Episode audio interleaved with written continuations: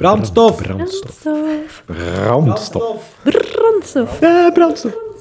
Brandstof. Ons huis staat in brand. Maar wij zijn hoopvol. In deze podcast onderzoeken we Samen met onze centrale gast, waar het misgaat en welke oplossingen er zijn. stof tot nadenken. En vooral actie. Wat kunnen jij en ik vandaag al doen?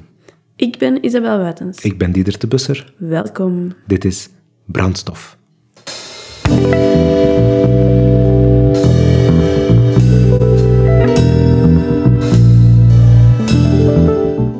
Elk jaar produceren we met z'n allen 2 miljard ton afval. Dat zijn 20 miljoen propvolle vuilniswagens. En tegelijk zijn we koortsachtig op zoek naar nieuwe grondstoffen. Computers, zonnepanelen en elektrische wagens bijvoorbeeld vragen grote hoeveelheden zeldzame metalen. In de smartphone waarmee je nu naar deze podcast luistert, zit zo'n 20 milligram goud. Dat is 200 keer meer dan in een stuk gouderts met hetzelfde gewicht. En toch liggen er over heel de aardbol anderhalf miljard oude telefoons te verstoffen, goed voor zo'n 30 ton goud. We wringen onze planeet uit voor al maar nieuwe producten die we twee seconden gebruiken en dan dumpen onder de grond en in de oceaan. Dat kan niet blijven duren. De wegwerpmaatschappij moet zelf weg. We moeten de kringloop sluiten. Onze economie moet circulair worden, maar hoe? En wat verandert dat voor jou en mij? En de belangrijkste vraag van de dag, kunnen we hiermee het klimaat redden? En dat zijn vragen die we gaan voorleggen aan professor Erik Paredis, hoofddocent Transitiesturing en Sociotechnische Systeeminnovatie voor de Circulaire Economie. Maar ik ben blij dat ik dat niet moet zeggen. Ja, ik ook. Maar ehm, ja, de, vak, de vakgroep Politieke Wetenschappen aan de Universiteit Gent, daar zijn we te gast. Welkom, eh, Erik. Dank u. Welkom ook. Welkom hier op het CDO. Ja. Daar zijn wij. eh, welkom. Je zegt welkom op het CDO. CDO staat voor? CDO staat voor eh, Centrum Duurzame Ontwikkeling en dat is eh, een van de onderzoeksgroepen van de vakgroep Politieke Wetenschappen. Jij bent hoofddocent, hè? Ehm, een student die in twee zinnen moet omschrijven wat circulaire economie is. Wat moet die vertellen volgens jou? Is dat een examenvraag zo? Ja, dat is wel grappig, want dat is inderdaad een beetje een, ex- iets in die stijl is een examenvraag. Eh, eh, volgende week maandag. Dus eh, ik weet niet of ik Zo ze rap zelf... kunnen wij niet monteren, dus Ja, ja, ja. geen probleem. Allee, ja, jammer Ja. misschien.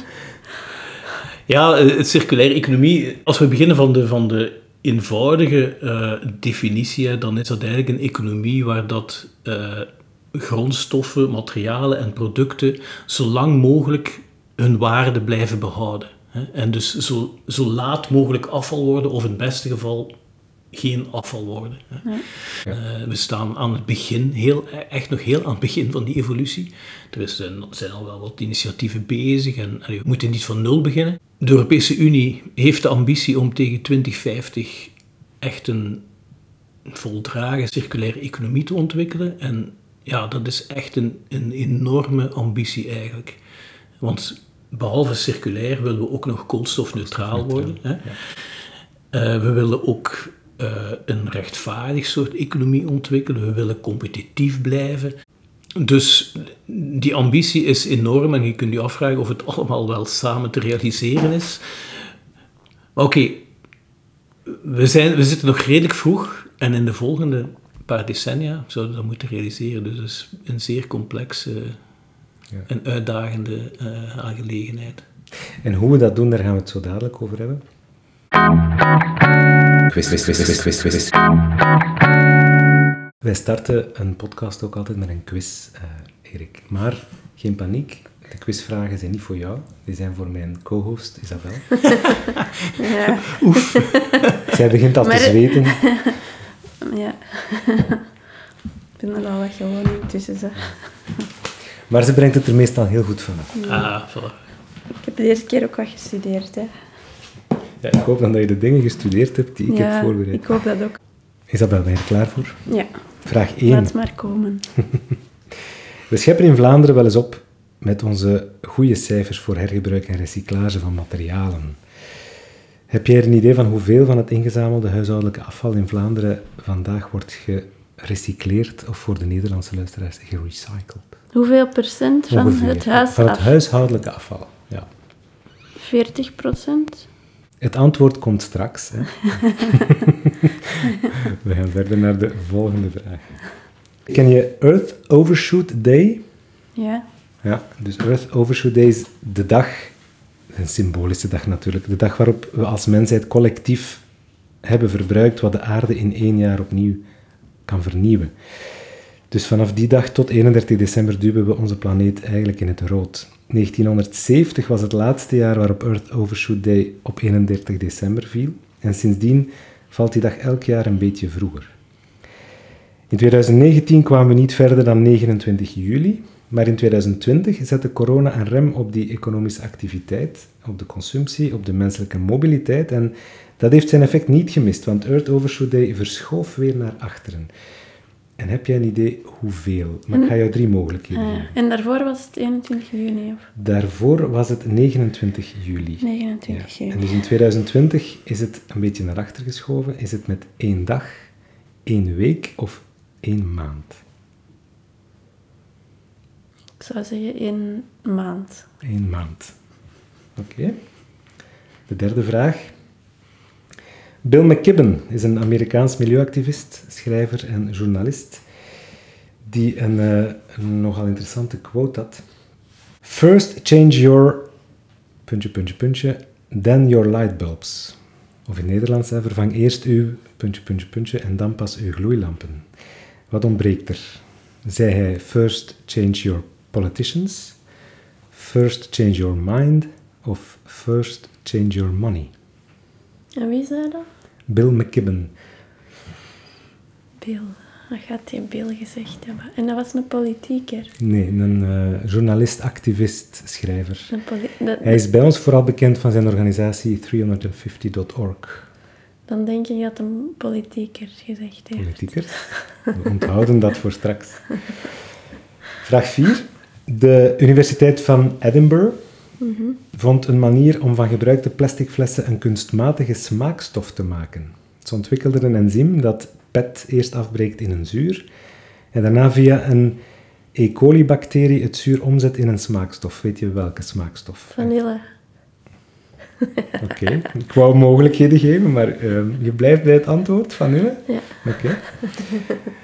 Laatste vraag. Ken je de repaircafés, Isabel? Ja. Al ooit een repaircafé bezocht? Nee. Nee? Ik ook niet, eerlijk waar. De repaircafés, voor wie het Toevallig niet is, kent... denk ik. Toevallig is in Toevallig Gent Ja. ja. Ja. Zij omschrijven zichzelf als ontmoetingsplaatsen voor burgers die vastbesloten zijn om hun spullen niet zomaar weg te gooien, maar eerst te proberen repareren. Op een locatie waar een repaircafé wordt gehouden is gereedschap eh, aanwezig, materiaal, maar ook deskundige vrijwilligers met reparatiekennis en vaardigheden. De vraag is, noem drie producten uit de top 10 van de aangeboden producten in repaircafés in België en Nederland. Oh. Krijg ik daar ook wel een- zo'n lijstje? Of moet Ah, nee, ik er zelf... Ik heb er nu tien staan en je mag er drie noemen. Ze en moeten ertussen zitten. Ze moeten ertussen zitten. Nou, nee, je mocht er meer dan drie noemen natuurlijk, hè, maar ik wil er toch wel drie Ja. die in de top 10 zitten. Wat gaat er gemakkelijk kapot? Een grasmachine? dat is wel iets groots natuurlijk. Een, zo'n, zo'n eh, koffiemachine, eh, hoe noemt dat? Een ehm, Senseo. Ja. En nog een derde. Ik ben aan het denken wat elektrisch materiaal dat wij in huis hebben. Een mixer. Mhm. Ja, voilà. Oké, dus een mixer, een koffie grasmachine. en een grasmachine. Ja. Oké, goed.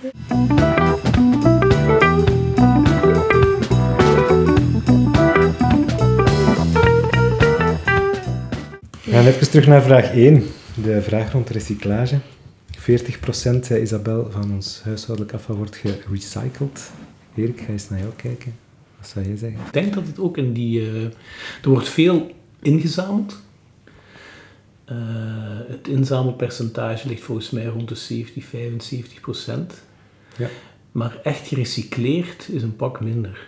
Ja. Eh, en ik zou wel ergens rond de 30 of zo, 35 gezegd hebben, maar... eh, Nee, het was een prima antwoord van Isabel. Het is 44% Echt gerecycled. Hè. En inderdaad, een kleine 70% wordt selectief ingezameld in Vlaanderen.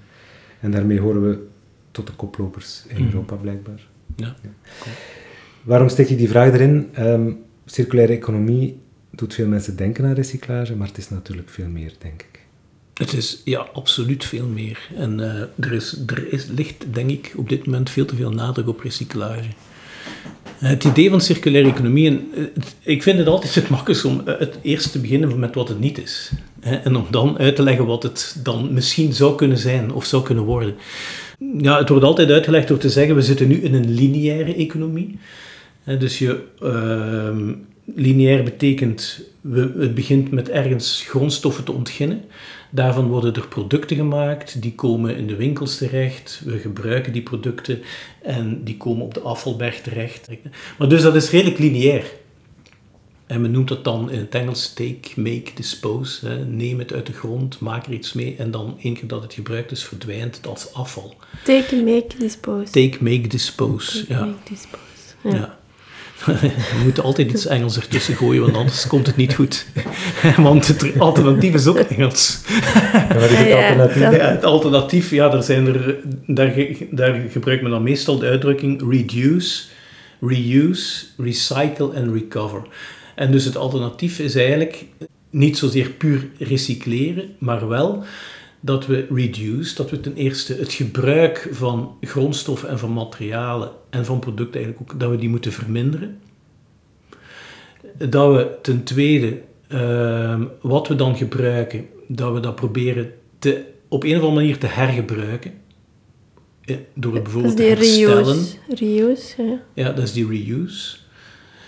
Als je het niet meer kunt herstellen en het, het lijkt afval te worden, dan kun je het materiaal gaan hergebruiken, maar dat, dan heet het recyclen. Hè. Recycleren gaat altijd ander...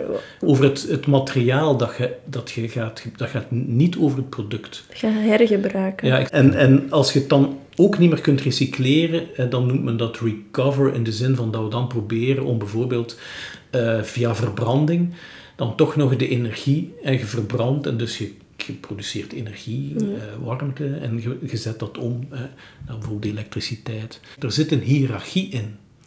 Het begint bij reduce en dan reuse en dan pas recycle. En als het dan echt niet meer kan, dan zit je dus in die laatste stap. En die reduce, hoe moeten we dat zien? Betekent dat bijvoorbeeld minder met een auto rijden? Of betekent dat de auto's lichter maken? Dat kan het allebei zijn. Hè, Als je ze lichter maakt, gebruik je minder materiaal. Als je er niet meer rijdt, ja, dan, verbruik je dat, dan gebruik je uiteraard ook geen materiaal. Hè. Maar dat is al redesign, is dat al niet? Dat je... Wel ja, die reduce, dat kun je op verschillende manieren doen. Hè. Door bijvoorbeeld de design van een product te veranderen.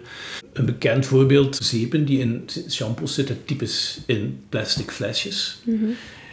Je zou dat zo kunnen redesignen dat je Een shampoo bol- bar een, of zo. ja, een shampoo Ja. bar of zo krijgt, waardoor je daar geen plastic meer hoeft rond te Ja, doen. ja, en dus je houdt eigenlijk hetzelfde product met dezelfde functie, maar eh, de verpakking er rond is weg. Ja. En dat is zo'n type voorbeeld, maar bijvoorbeeld wanneer je dingen gaat doen met minder materiaal. Je ziet dan vaak er ook op staan, met zoveel minder materiaal gebruik, eh, ge- geproduceerd. Ehm, dus dat zijn allemaal voorbeelden van strategieën om minder te gebruiken. Nog een typisch voorbeeld waarvan het heel natuurlijk dikwijls over gaat, dat is de levensduur verlengen van iets. Als je de levensduur van eh, huishoudproducten verlengt, ja, dan hoef je geen nieuw te kopen.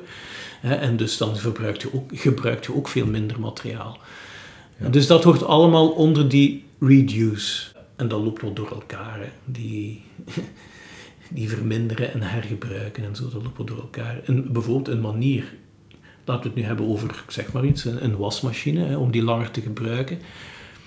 Eh een manier om dat te doen is dat de, de onderdelen daarvan gemakkelijk repareerbaar zijn.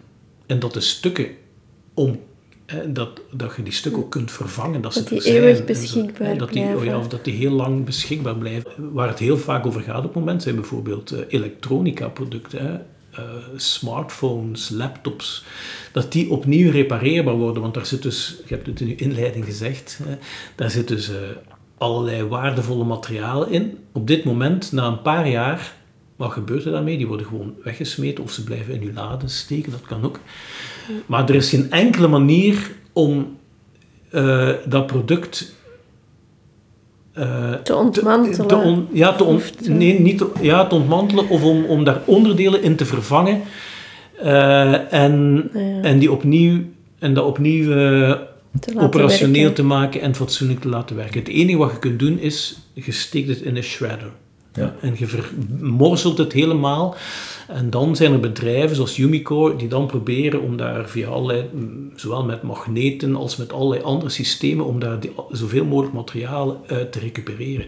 Maar eerst heb je het, product volledig vernield. Ja, ja. Er is één initiatief die een poging waagt al een paar jaren, dat is de Fairphone. Die eh, Ja, proberen een, een, een telefoon op de markt te brengen waar je heel veel onderdelen los kan krijgen en vervangen. Dat is een heel interessant voorbeeld. Dat, dat vind ik echt een... eh, ik heb er trouwens zelf een. zonder te veel reclame te willen maken. Maar dat is, een, eh, dat is echt een mooi voorbeeld. Om, eh, Fairphone doet trouwens ook meer. En misschien, hopelijk komen we daar straks nog op terug. Ehm, en dat gaat over wat, is, wat, wat moet dat eigenlijk worden, die circulaire economie. Je kunt met een aantal schroefjes onderdelen losmaken. En je kunt die onderdelen apart, als ze kapot zouden zijn, kunt je ze eh, apart bestellen bij Fairphone. En je kunt ze zelfs, als je een beetje voorzichtig en handig bent, kun je dat ook allemaal zelf vervangen. Je kunt de batterij vervangen. Als je batterij niet meer goed werkt, kun je gewoon een nieuwe batterij erin steken. Dat gaat bij heel veel smartphones ook al niet meer. Nee, hè. nee, nee. Of je moogt het zelfs niet doen, want als je het zou doen, dan verlies je je garantie of zo. Hè. Eh, op dit moment bijvoorbeeld uh, kunt je een, zelfs, en dat is nog iets meer dan enkel vervangen, op dit moment kunt je je Fairphone, Fairphone 3, kunt je naar Fairphone 3 Plus upgraden door uh, er een betere camera in te steken. Mm -hmm. Uitdrukkelijk met de bedoeling om dat product langer te laten meegaan. Zij mikken op dit moment, zeggen zij, op vijf jaar gebruik. Wat dus al twee jaar langer is dan het normale. Maar het is uiteindelijk nog maar vijf. Maar oké, okay, het is al twee jaar lang. Mijn zus die heeft ook zo'n Fairphone gehad. Maar die, ze was die zo beu dat hij altijd niet belde.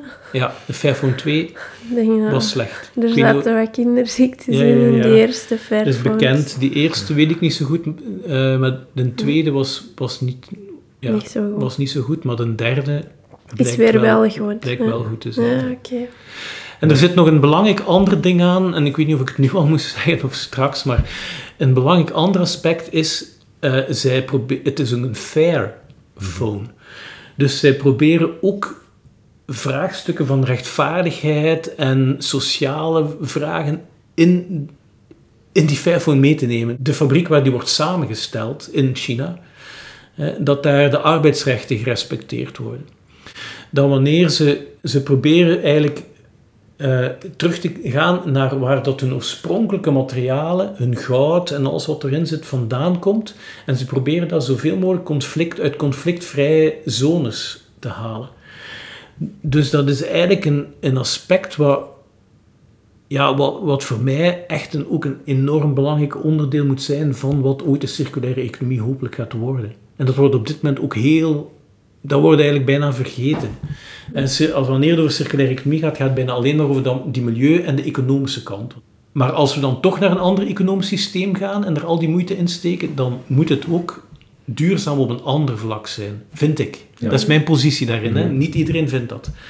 Maar mijn positie, en, en hier in huis, is dat heel duidelijk. Wij vinden ook dat ook op het sociale vlak die hele hertekening die we gaan doen van die economie, dat het ook een faire circulaire economie wordt. En ja, opnieuw moet je zeggen, de Fairphone doet daar op zijn minst zijn best en slaagt op een aantal terreinen waar de rest niet slaagt.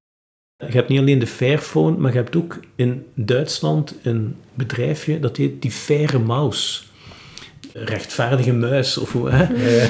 Een muis in de zin van een, een computermuis. computermuis ja, ja, Maar die, die, die proberen al jarenlang om dus hun hele toeleverings, hun hele waardeketen, om die in kaart te krijgen. En als je dus die boom ziet, dan dit is onwaarschijnlijk hoe complex die in elkaar zit. Zij stelden die muis in Duitsland samen. En dat wordt gedaan in een uh, sociaal uh, tewerkstellingsbedrijf. Maar al die onderdeeltjes van die muis, die komen van allerlei plaatsen over de wereld.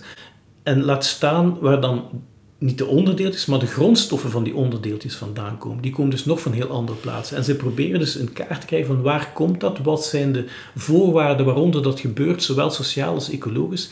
Blijkt enorm complex te zijn om daar als bedrijf zelf een zicht op te krijgen. Als je naar een circulaire, duurzame uh, economie wilt, ja, dan gaan we die ketens wel veel beter in beeld moeten krijgen.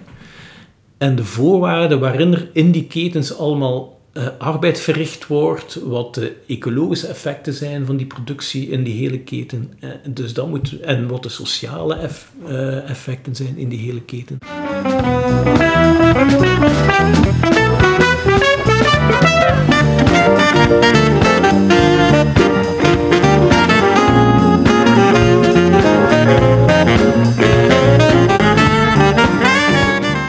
Laat ons zeggen dat, dat het beeld van die circulaire economie een mooi toekomstbeeld schetst.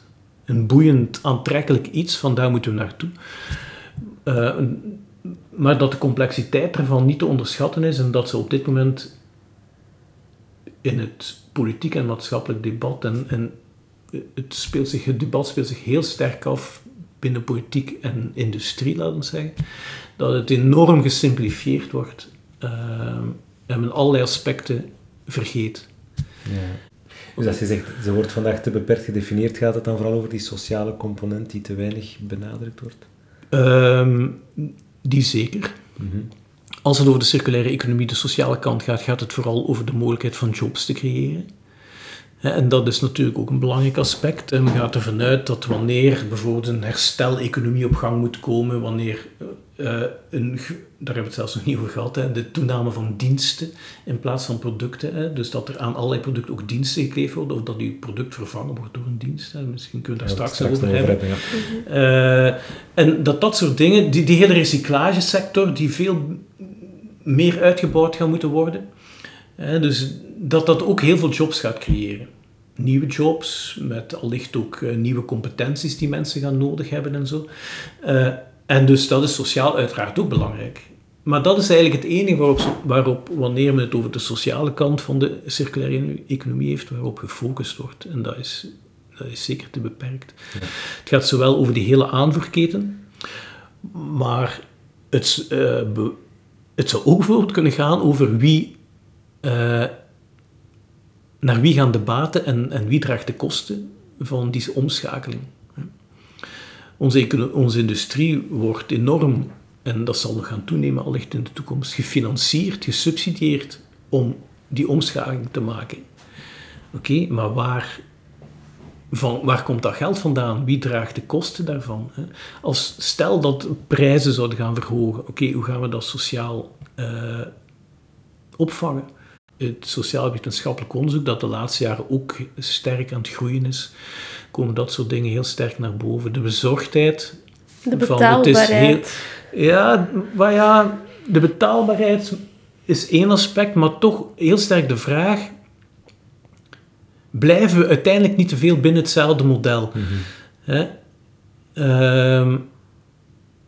waar dat we wel een aantal dingen anders gaan doen. Maar waar dat je uiteindelijk het vooral economisch wilt realiseren, waardoor dat je ook in de economische logica blijft van groei en gaat ons dat wel binnen die ecologische grenzen brengen. Ja. Hè? Plus dan de hele vraag van verdeling, rechtvaardigheid. Hè? Dus dat soort vragen komt heel sterk naar boven in, het sociaal-wetenschappelijk onderzoek. En, en eerlijk gezegd, er zijn toch wel heel wat, ja, heel wat kritische bedenkingen. Ja, die dubbelheid we hebben het absoluut nodig. We moeten doen wat de Europese Commissie op dit moment aan het doen is. Ja, dat, dat, is, dat is een belangrijke doorbraak, zonder twijfel. maar als we dan in de volgende decennia die hele inspanning gaan doen, laat ons die dan toch ook zo doen dat ze sociaal rechtvaardig is. En dat we er uiteindelijk toch wel in realiseren om binnen die grenzen te blijven.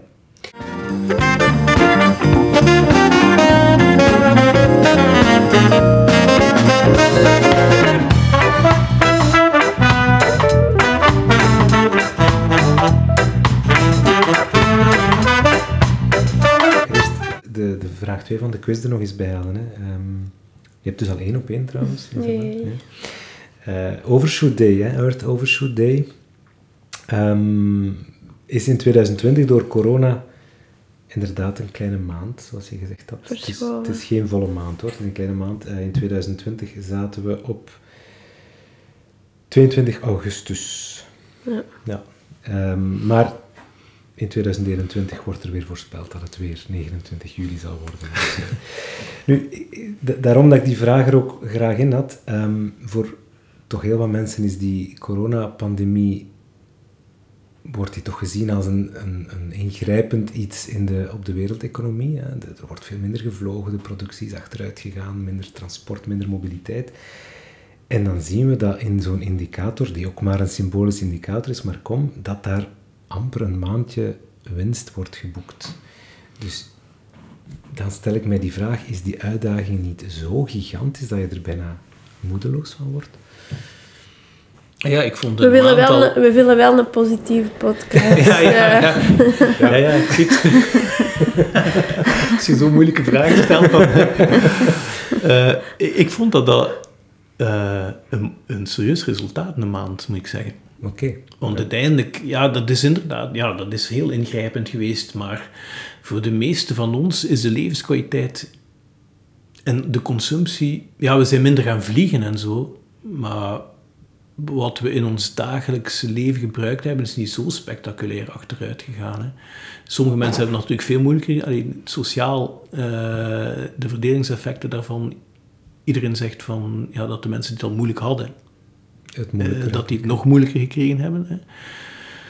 Maar over het algemeen is onze consumptie is niet spectaculair gedaald. Met, ja, we zijn niet meer gaan vliegen en, en, en dat soort zaken. Hè. we zijn niet eh, meer op hotel geweest, we zijn niet meer ja, gaan we zijn eten. minder op hotel geweest en zo, maar We hebben iets meer pakjes laten bestellen aan huis. denk ik. ja. Dus jij ziet er zelfs bijna een hoopvol teken in dat we wel degelijk aan de knoppen kunnen draaien en dat dat, dat, dat eigenlijk impact heeft. Dat dat een serieus impact Eh, heeft. ja, ik vind dat eigenlijk eerder bemoedigend dat... Het, het moet natuurlijk niet op deze manier gebeuren. Hè. Je moet het gepland doen en je moet het... eh, Sociaal eh, rechtvaardig. sociaal rechtvaardig doen en zo verder. Maar het betekent wel eh, dat er wel degelijk impact mogelijk is. Hè? Ja. Het betekent ook dat, dat je ziet dat overheden kunnen ingrijpen. Ik kijk er zo wat gemengd naar. Eh, Gemengd positief. ja, gemengd positief in, ja. Oké.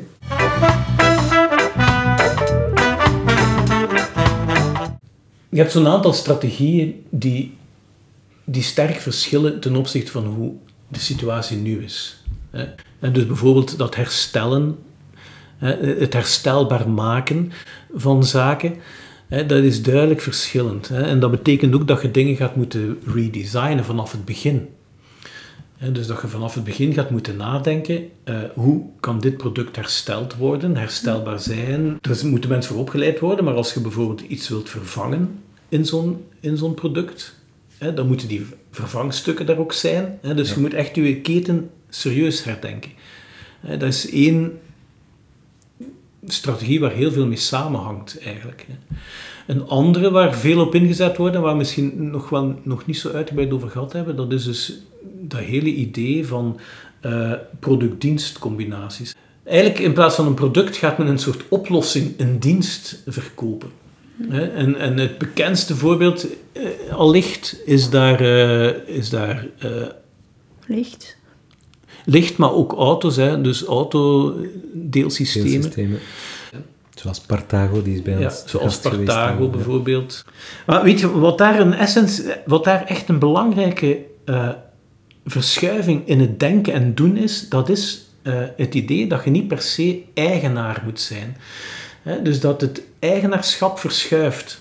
Je bent niet meer zelf eigenaar van die auto. Hè, maar er is een, een organisatie of een bedrijf dat eigenaar is van die auto en waar dat jij die auto tijdelijk van gebruikt. En, maar er zijn allerlei eh, zaken, heel, heel wat ontwikkelingen op dat vlak. Dat gaat van eh, op, het, zeg maar, op het vlak van de consument, en dan heb je het over de auto, kleding bijvoorbeeld. Hè. Er beginnen zo kleding, men noemt het dan kledingbibliotheken, die beginnen op te komen. Hè. Daar ben ik mee bezig ook. Ah, ah, ja, ja, oké. Rezi-reportage. Rezi. Rezi-reportage. Omdat ik echt heel bezig ben om een kledingbiep op te starten, ben ik wat inspiratie gaan opdoen. En um, ik vond deze inspiratie op een tweedaagse van een Resi-project. En het Resi-project is een, uh, een project uh, dat ontstaan is uit een call van de Europese Commissie. En uh, die, die tweedaagse ging door één dag in Impact City Den Haag en één dag in Antwerpen. En het Resi-project is eigenlijk een project waarbij lokale overheden onderling informatie uitwisselen en best practices om een ecosysteem in te richten waarbij zoveel mogelijk impact kan gerealiseerd worden door sociale ondernemers.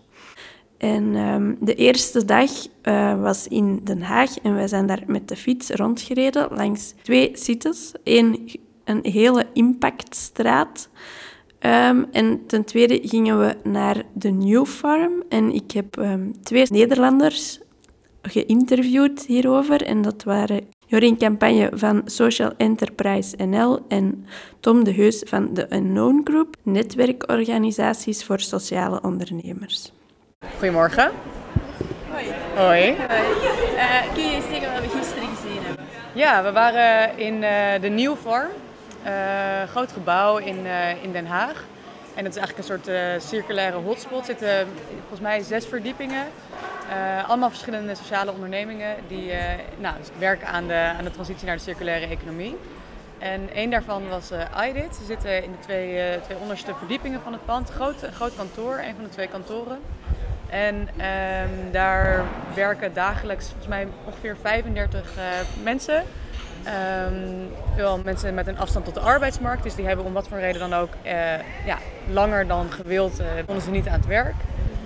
Um, en bij IDIT worden ze in een jaar eigenlijk weer vol getraind en krijgen ze uh, begeleiding en opleiding ook op de werkvloer. Dus soms is het ook taalkursussen, hè? hebben ze een barrière tot de Nederlandse taal. Ja, dat was wel indrukwekkend dat ze zelfs uren mogen gebruiken ja. tijdens hun werkuren om Nederlandse taal te leren. En ze ja. spreken ook Nederlands ter plaatse met elkaar. Ja, ja klopt. Ja.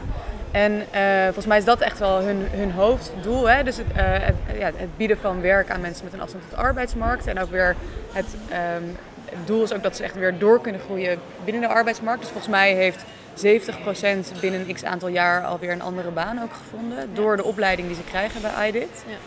Um, en naast een sociale doelstelling hebben ze ook circulaire doelstellingen.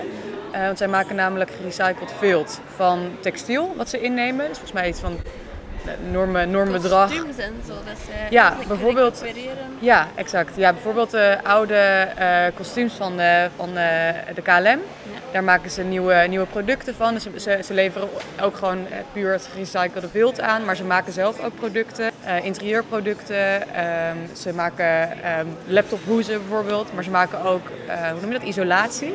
Ja. Um, en geluidsdempende materialen. Precies. Zo, bijvoorbeeld zo tussenschotten voor ja. op kantoren. Ja. ja, ja, exact. Ja, dus het is heel mooi dat ze echt het, het circulaire combineren met het sociale. En daar zit denk ik ook wel echt een grote, grote waarde in. Dus dat uh, was erg mooi om daar rond te lopen en, uh, en te ja, zien. Ja, ze hadden ook mooi ateliers. Hè? Heel, heel, mooi. Heel mooi ja. licht binnen. En ja. was kleurig ook, hè, want je zag al die verschillende nationaliteiten samenwerken. Ja. Uh, wel fijn. Ja, ja, en de, alle verschillende kleuren veel. Het was, het was veel, ja, veel, veel kleurdiversiteit. Ja. Oké, okay. dankjewel Jurien. Ja, graag gedaan. Uh, dus dat soort dingen, of, of uh, materiaalbibliotheken, waar je niet meer zelf al die materiaal... En dat bestaat opnieuw in verschillende vormen. Hè. In Mechelen hebben zo de klusbiep. Ah ja, ja, oké. Okay. Ja. Met allemaal materialen dat je kunt gebruiken. Ja. Okay. Ja. en men is nu aan de Dampoort bijvoorbeeld, is er zo'n initiatief, de Klusseretten heet dat. Waar je dus zowel dingen kunt uh, ontlenen, maar je kunt, je kunt er dus ook dingen laten herstellen of zelf herstellen. Ja. Uh, en, en dus je hebt dat soort zaken. Ik zeg dat Decathlon nu ook zo uh, rugzakken en zo. rugzakken en tenten verhuurt. Ja, ja. Oh, oké. Okay. Ja, ja, dat begint dus op allerlei niveaus. De, en, en daar zit je eigenlijk opnieuw, mm -hmm. waar we het al even over gehad hebben, je kunt eigenlijk de, de vorm die die circulaire economie gaat aannemen, dat gaat... Je kunt dat vooral vanuit de markt bekijken. Het geeft enorme mogelijkheden voor uh, economische actoren. Uh, voor de industrie of voor KMO's. Maar je kunt dat ook, en, en daar, daar zijn wij dan hier in huis wel voorstander van, van een soort diversere economie. Waar dat je eigenlijk een diversiteit aan soorten aanbod hebt. Dat het niet alleen op de markt hoeft te zijn, maar dat je dus ook die burgerinitiatieven versterkt. Hè? Mhm. En dat je dus eigenlijk een soort diversiteit creëert, eh, die volgens ons meer stabiliteit geeft dan alles op die markt te zetten. En die dus ook uh, misschien daardoor andere, ja, andere behoeften dekt of uh, in die repaircafés hmm. is bekend dat dat is ook een ontmoetingsplek hè, waar dan mensen samenkomen en babbelen en, en elkaar ook vaardigheden kunnen aanleren. Net gelijk je biodiversiteit nodig hebt, heb je ook een soort sociale diversiteit nodig waarbij je niet alles laat afhangen van, van marktinitiatieven, hè, maar waar je een sterke burgerinitiatieven hebt, uh, coöperaties, waardoor ook over de overheid kan ook een belangrijke rol spelen. Hè. Rezi-reportage. Rezi-reportage. Jij hebt iets anders gezien, een andere sociale onderneming. Ja, we zijn gisteren eh, bij Copiatech geweest. Een uh, bedrijf wat uh, computers, tablets en laptops ophaalt bij, ehm, ehm, ja, bij, bij kantoren, bij bedrijven die, de, die dat eigenlijk kwijt willen, waar ze niet meer gebruikt worden.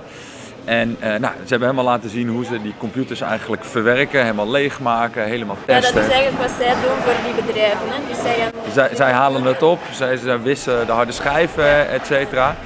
En eigenlijk op het einde van de rondleiding uh, kwam het mooie in de organisatie naar voren. Want zij uh, verkopen of eigenlijk doneren en, en de, die computers die wij bij de grote bedrijven, zeg maar, bij bedrijven niet meer worden gebruikt, die doneren zij aan mensen die geen toegang tot IT hebben, die geen toegang tot een die geen voldoende geld hebben voor een laptop. Of bijvoorbeeld in Afrika, waar het gewoon ja, ja, toch ze minder... exporteren echt ook naar... Ja, er af, gaat één keer in de, in de, maand of zo, heb ik een foto gezien, gaat er een container vol met computers en laptops naar Afrika toe. Uh, maar ook gewoon in Nederland. Ik bedoel, ook in Nederland zijn er mensen die geen toegang tot IT hebben en hierdoor wel ja, een computer hebben. Ja, ik hoor vooral op scholen zo. Hè, dat ja. op scholen waar, waar ze geen, ja, geen, geen centen hebben, geen geld ja. hebben voor een... Klopt, en daar kunnen ze dan die computers toch. Uh, Want het wordt ja, tegenwoordig moeilijk om naar school te gaan zonder laptop. ja, zeker het afgelopen anderhalf jaar is dat toch bijzonder moeilijk gebleken. Um, maar ook zij uh, werken met, met mensen met een afstand tot de arbeidsmarkt. Ehm, ja, dus mensen die in, het, ja, in de normale wereld niet, niet zo makkelijk aan het werk komen, krijgen dan toch bij Copiatech een plek en nou, dat is ook wel heel mooi om te zien, omdat je daar mensen ziet die helemaal tot leven komen, doordat ze echt wat, wat kunnen, kunnen gaan doen. Oké. Okay.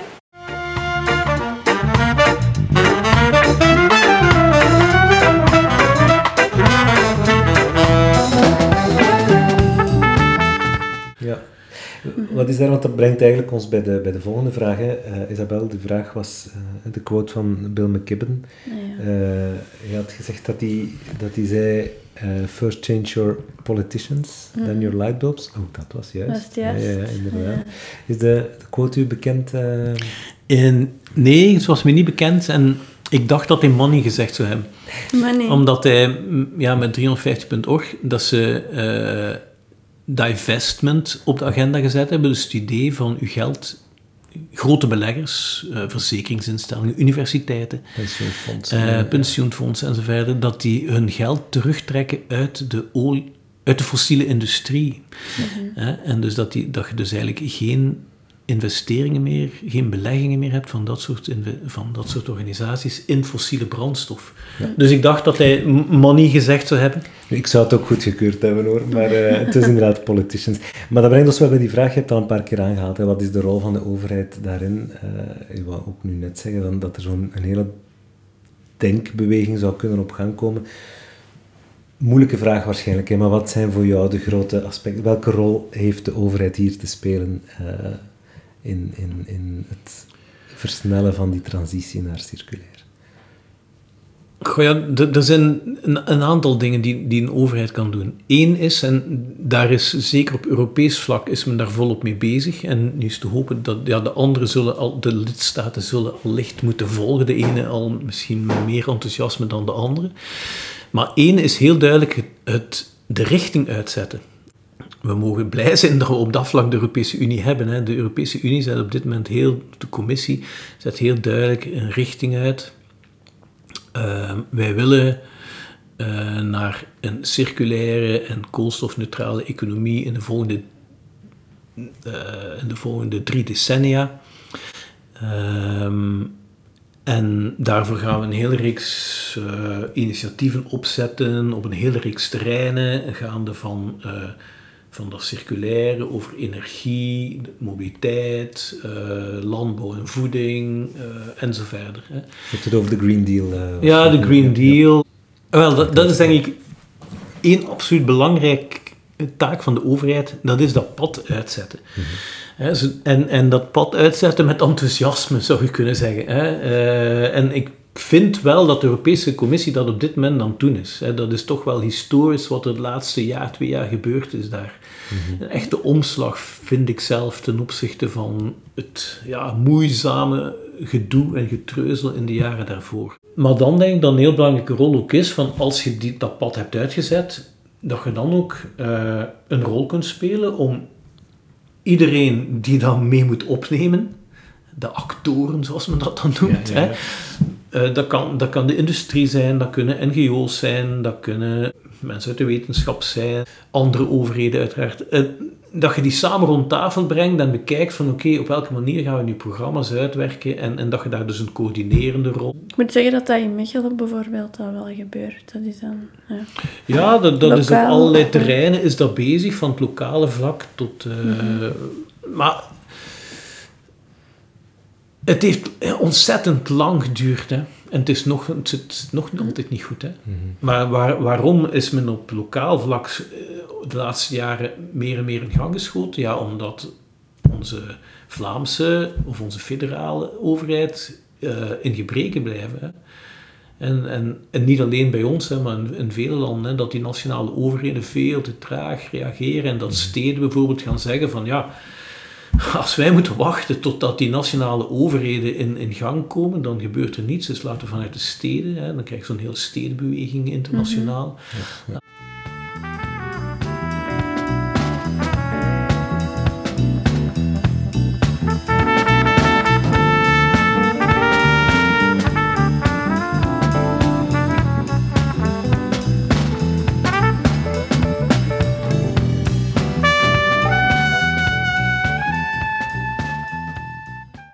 Kunnen we naar vraag 4 gaan. Die had je gelezen blijkbaar, hè, Isabel? Ja, ik heb dat inderdaad ik heb dat wel gelezen. Ze maken de stof vanilline, en dat is dus een, ja, dat is de, de, de, synthetische stof met vanillesmaak die je dan kan toevoegen aan ijsjes.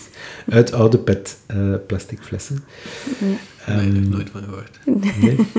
De Universiteit van Edinburgh, collega's uit Schotland. Ah, ja. Um, ja, mooi voorbeeld. Dat is natuurlijk... Uh, een beetje extreem, dat zijn de technische hoogstandjes. Als je naar productie kijkt vandaag, naar de bedrijven, het hoeven niet altijd technische hoogstandjes te zijn om circulair te worden. Hè. Waar zitten voor jou de grote uitdagingen vandaag? Um, men is wel volop aan het nadenken over wat men dan noemt andere businessmodellen. Als men over die andere businessmodellen nadenkt, dan zijn er zo.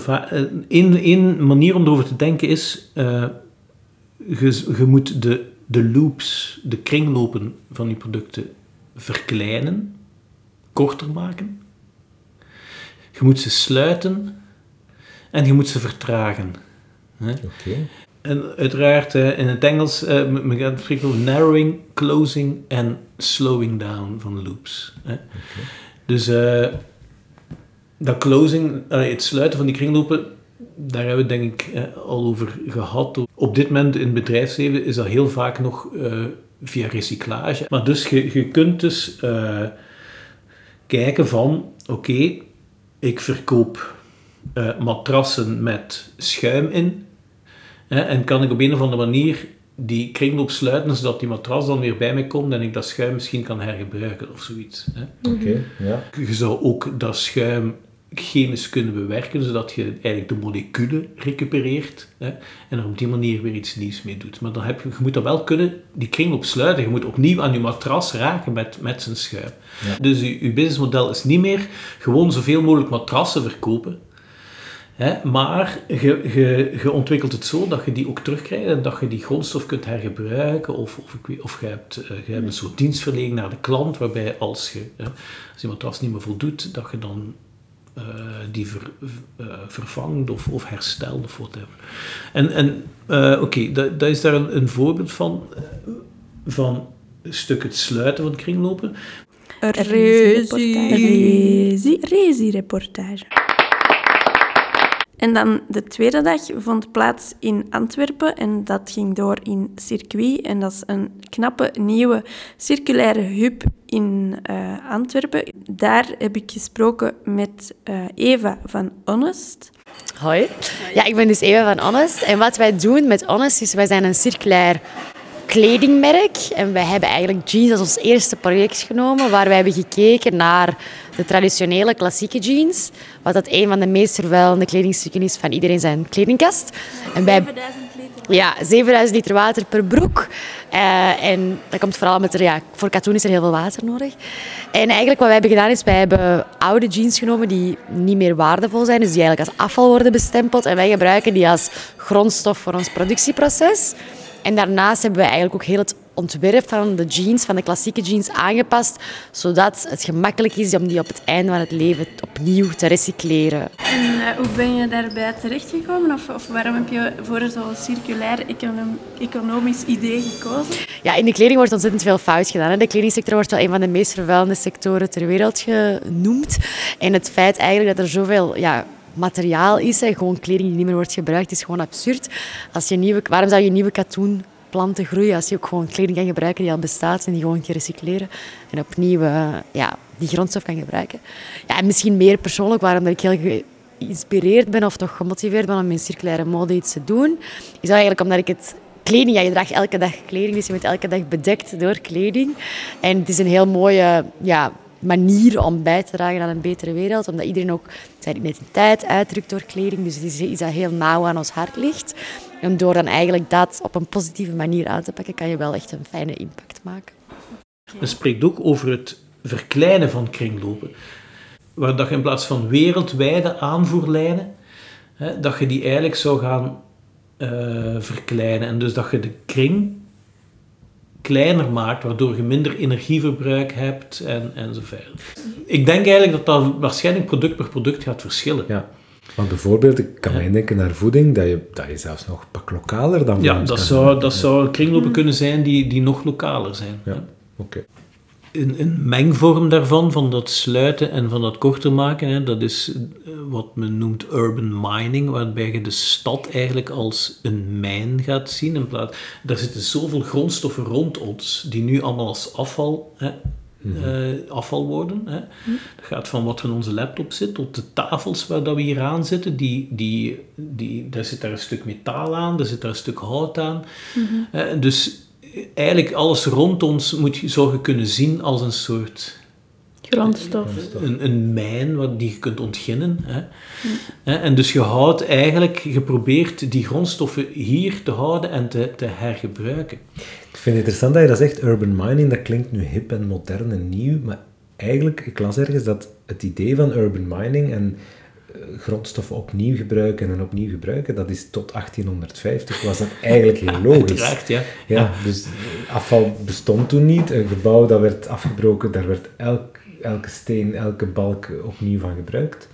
Dus het is eigenlijk pas ja, sinds eind... Uh, of, ja, dat is moeilijk precies te zeggen. Men, men situeert dat meestal uh, bij wat men soms noemt de grote versnelling opnieuw, het Engels heet dat de Great Acceleration.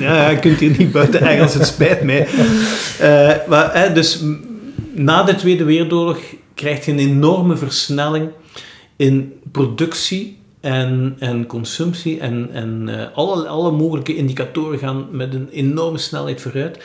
En daaraan gekoppeld natuurlijk ook een enorme groei van de impact. Hè, van uitstoot uh, naar lucht, naar water, van materiaalgebruik. Hè.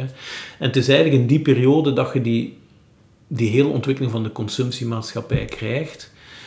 Ehm, en, dat, en dat dat circulaire ver, stilaan helemaal verdwijnt. Iets nieuws is goedkoper dan... Ja, het is vaak goedkoper doordat, uh, doordat de grondstoffen zo goedkoop zijn, bijvoorbeeld. Hè, doordat de olie zo goedkoop is, uh, is het mak beter om... Uh, interessanter, allee, interessanter om nieuwe plastics te maken dan om die plastics te recycleren en die op, ja, daar allerlei bewerkingen op te moeten doen om, om dan van, van die gebruikte plastics, om daar dan weer plastics van te maken. Ja, ik hoorde dat je veel kwaliteit kwijtspeelt als je uh, plastics, plastics wilt gaan recycleren. Ja, op dit moment uh, is recycleren dikwijls wat men noemt downcycling. Hè? Dus de, de kwaliteit vermindert. Uh, maar men is wel volop met allerlei processen bezig om, om die kwaliteit te verbeteren. Vaak is die ook al beter. Uh, en ook daar, je hebt de, de, wat we tot nu toe vooral kennen, is uh, wat we noemen mechanisch recyclage. Dus je, je, uh, je plastic wordt vermorzeld eigenlijk. Hè, en, en, en er worden allerlei bewerkingen op gedaan. Uh, maar je kunt die ook chemisch gaan recycleren. Waarbij dat je eigenlijk naar het moleculaire niveau gaat en dan... Hm. Dus dat, staat, nog, dat staat nog niet ver. Dat is een beetje het voorbeeld van de vanilline eigenlijk. Hè? Dat zijn dan de, ja, dat is, daar een, dat is daar een voorbeeld van. Ja, uh, maar dat, dat staat nog in zijn kinderschoenen ook. En dan denkt men dat men natuurlijk veel betere kwaliteit zou kunnen halen. We zaten aan... Um... De, de loop verkorten. Ja, de loop verkorten. Hè? Dus het, het, uh, de loop sluiten, de loop verkorten en, en dan het vertragen van de loops. En daar bedoelt men dus eigenlijk mee dat de doorlooptijd van producten ja, vertraagt en dus dat producten veel langer meegaan. Is een voorbeeld van dat vertragen van die loop dan ook zo'n bedrijfsmodel wat je daarnet zei, van product naar dienst? Bijvoorbeeld, ik weet niet of het in, in overwogen wordt, maar ik, heb, ik, ik, koop nu een wasmachine. Ik zou kunnen zeggen, nee, ik, ik lease een wasmachine. Vanaf het moment dat een eh, bedrijf, zoals je zegt, u zo'n wasmachine een aanbieding geeft en, en jij leest die. Hè. Uh, en zij, zeggen, zij bieden ook de dienst van het onderhoud en zo verder. Vanaf dat moment worden zij geïnteresseerd in producten die lang meegaan, maar producten ook die herstelbaar zijn, hè, want anders kunnen ze die dienst niet leveren. Uh, die bijvoorbeeld ook modulair dan zijn, als er iets kapot is, dat ze dat kunnen vervangen. Uh, ze hebben er zelf baat mee eigenlijk om en je te kunt zorgen er dan dat nog verder, ze hebben er zelf baat bij. En je kunt nog verder gaan, de modellen. En het bekendste uh, voorbeeld is allicht het model van Light as a Service, hè, waar dat de Nederlandse architect Thomas Rauw mee begonnen is, samen met Philips. Uh, waar het zelfs zo ver gaat, dus, waar hij hen heeft uitgedaagd op een bepaald moment van, oké, okay, ik wil alleen nog uh, betalen voor de service van het licht. En jij betaalt alle rest, hè, dus de installatie, uh, jij betaalt zelfs de energiekost. En op dat moment wordt Philips dan ook geïnteresseerd in lampen die heel lang meegaan, die weinig verbruiken.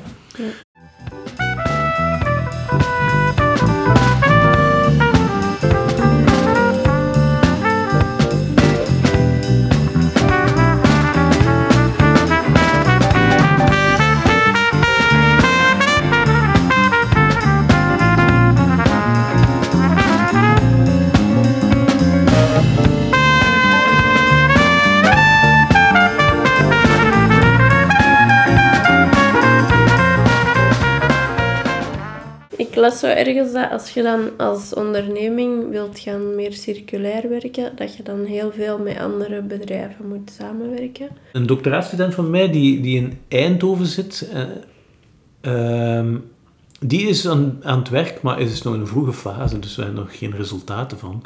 Uh, die, is, die is aan het werk rond circulaire bedrijfsmodellen in, rond plastics. Hm. En uh, daar gaan we onder andere met Dow Chemicals samenwerken maar daar, daar zie je dus al, Dow doet van alles, hè, maar die hebben dus natuurlijk een hele aanleverketen en die hebben een afleverketen. En dus als je daar, je kunt bijna niet als bedrijf als enige circulair worden, want de rest in je keten moet op een of andere manier mee. Ja, ja, ja. ja, ja. Hè, dus je gaat hele afstemmingen nodig hebben binnen die ketens. En, en dus weer, die nieuwe bedrijfsmodellen, je kunt je oude bedrijf... Dus je gaat op andere manieren moeten gaan werken. Dus dat gaat ook van de, van de hele economische sector gaat dat grote inspanningen vragen om dat allemaal te herstructureren. En, En hoe is jouw aanvoelen? Zijn ze bereid om die inspanningen te leveren? Ik hoor jou toch al een paar voorbeelden geven. Ja, ik ken... Goh. Je hebt altijd voorlopers eh, en je hebt dan een grote middengroep Ja, en dan degene die zo laat mogelijk omschakelen. Dus eh, die voorlopers, je hebt op allerlei terreinen heb je voorlopers. Hè? Ja, ja. Eh, in, in die hele bedrijfswereld, hè, eh, van grotere tot kleinere bedrijven. En ehm, ik heb wel het gevoel dat men, eh, de, dat men wel ziet van we gaan er, we gaan er eigenlijk niet onderuit kunnen. Eruit kunnen, ja, ja. Dus eh, dat maakt natuurlijk dat we dan gaan denken van oké, als we dan toch niet onderuit kunnen, Dan maar liever zo rap mogelijk. ja, dan maar beter dat we op zo'n manier omschakelen dat we ehm, een deel van die nieuwe markt kunnen bezetten. Hè, of dat wij... eh, maar ja, dan is het zo'n beetje tussen... Hè, het zoekwerk tussen, eh, oké, wanneer moet die innovatie dan daar komen en, en moet dat vooral technisch zijn? Of, hoe- ja, dat, dat is een hele... eh, Oké. als je te vroeg bent, Ja. Hè, dan hebben bedrijven de schrik dat ze te vroeg zijn. En dat ze... Ja, ze nemen risico's natuurlijk Ja. ook. Ja. Maar het is voor een bedrijf ook... Allee, ik denk nu aan Decathlon. Zij kiezen er langs de ene kant wel voor, voor zo die nieuwe modellen te proberen. Maar ze hebben ook nog gewoon heel veel goedkope dingen allee, in hun winkel die dat het heel gemakkelijk maken om gewoon iets nieuw te kopen in plaats van iets te herstellen. Of, eh, Maar van, ja, Ja. absoluut. ja. Ja, Vandaar ik denk dat ik in het begin ja. ook zei, van, we staan aan het begin van die evolutie. Hè. Mm. Ehm, er is al van alles bezig, maar eigenlijk... Ja, als je kijkt naar het onderzoek dat daar rond is, naar de cijfers, hè, op wereldvlak eh, rekent men aan iets van een 9% circulariteit. Die Hè? er vandaag is. Ja, die er vandaag is. En we zijn zelfs vorig jaar naar 8 gezakt of zo. En dat heeft hem, dus de, terwijl we bezig zijn over alle toekomstdromen die we hebben en wat er allemaal mogelijk is en wat er al stilaan aan het komen is, moeten we wel zeggen dat de ontginning en de productie alleen maar groeit op dit moment. Hè? Eh, en de uitstoot groeit. Groeit. Eh, dus eh, ja, en de circulariteit neemt dus af. Ja. Ehm, en nu gaan we proberen om dat dus eh, Dat op relatief korte termijn een, een enorme omschakeling te maken. Omdat, ja, omdat we nu al, denk ik, heel wat be- beleidsmakers, mensen, bedrijven, wetenschappers, NGO's, NGO's vaak al veel langer, hè, zien van, eh, we lopen met ons hoofd tegen de muur.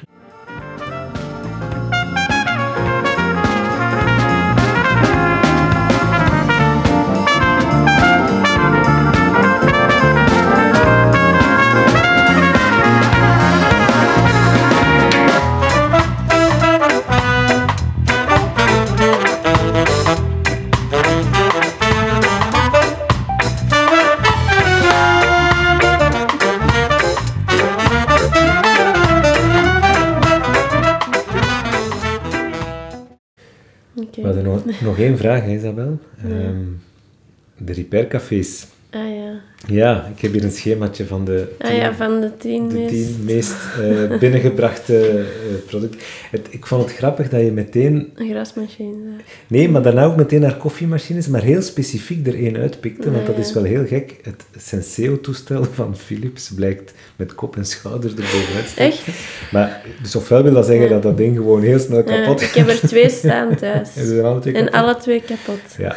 Er bestaat intussen bij repaircafés al een hele eh, reparatiehandleiding voor, dus eh, ga er zeker eens mee naar een Ja. repaircafé. Dat Ja, is, dat is zo doen. gefixt. Dus, ehm, ja. Ja. Maar dus het koffiezetapparaat staat op, op nummer 1. nummer 2, een broek.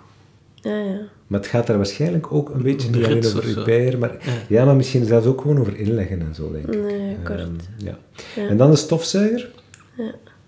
En dan verlichting in het algemeen, heel vaak schakelaars van een lampje. Nee. En dan fietsen, toch ook wel. Nee. En dan komen er zo andere, zoals de klokken, computers, laptops toch ook wel, eh, naaimachines, eh, radio's en dan allerlei kledij, zoals je. Oh, geen naaimachine. Ah, geen eh, grasmachine. Geen grasmachines, nee. En ook geen mixer. En ook geen mixer. De mixer zou mij inderdaad ook nog niet verbaasd hebben, moest dat erin. Ja. Nu pas op, het staat niet in de top 10. Hè. Dat gaat misschien ook niet zo gemakkelijk kapot. Ja, misschien. Weet je wat wel rap kapot gaat? Een blender. Ja, maar je mocht er geen te harde dingen in steken. hè, geen noten en zo. hè, Dat, eh, Oh, nee. ja, blender. Ja, en zeker niet uw, uw lepeltje in de blender ja, laten ja, dat doe ik allemaal niet hoor. Oké. Ik weet niet, Isabel, of dat jij daar nog iets wil... ehm, wil jij nog iets zeggen over je kleding, Biep? De uitdaging is en een rendabel model vinden en dat zo duurzaam mogelijk hebben, waarbij dat je eigenlijk je impact op het klimaat niet, en, op, en op materiaal en op het milieu niet slechter wordt. En dan ook nog eens zorgen dat het aantrekkelijk is Ja, voor, ja, ja. voor een consument. Dus je hebt, allee, je, je hebt echt wel een grote, een grote uitdaging. Ja. Ja. Gaan we nog een duurzaam gedicht lanceren?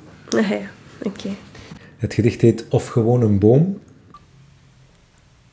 Zullen we de woestijnen wit schilderen. De gaten in de ozon stikken. De polen invriezen met omgekeerde haardrogers. We kunnen met schuim een nieuwe damkring spuiten en van oceanen spiegels maken. Alle fietshelmen, alle daken bedekken met restjes zilverpapier.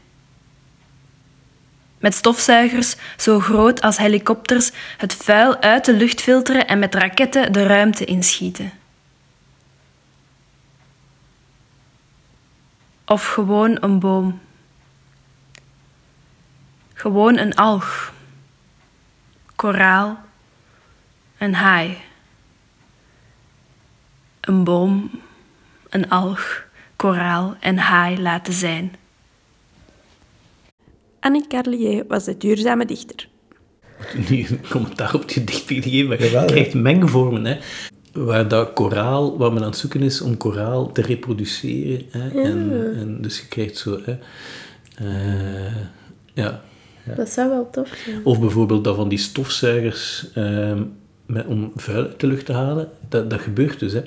Ja, ja. Dus je hebt, maar om CO2 uit de lucht te halen, hè, men is daar volop mee aan het experimenteren. Hè. Dus dat, dat, eh, ja, dat is... En op te slaan dan in de oude mijnen. eh, Ja, op te slaan of, eh, of die CO2 te hergebruiken. Ook nog, ja. Ja.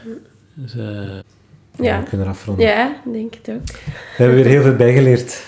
Erik, eh, Paredis, hartelijk dank om ons hier te ontvangen op het Centrum voor Duurzame Ontwikkeling. Dank voor uw heldere uitleg ook over de circulaire economie. Ja, merci. We hebben weer van alles Het was, bijgeleerd. eh, eh, het- ja, het was een boeiend gesprek, ook omdat het mij uitdaagt om het hopelijk eh, verstaanbaar eh, uit te leggen. Dat is zeker gelukt. Ook al is het complex. Ja. Dankjewel en ehm, nog eh, prettige examenafname zou ik zeggen, Ja. maar ik, ik weet niet of dat een Ja, prettige voor, voor bezig mij is dat niet zo Nog is een toffe tweede zit. Dit was Brandstof. Een podcast van Isabel Wuitens en Dieter de Busser. Bedankt om te luisteren. We danken onze gast en de Jamaican Jazz Orchestra voor de leuke tunes. Geef deze podcast je stof tot nadenken, abonneer je en krijg automatisch een melding als de nieuwe brandstof beschikbaar is. Op onze website www.podcast-brandstof.be vind je hoe je kan bijdragen aan deze podcast. Tot de volgende.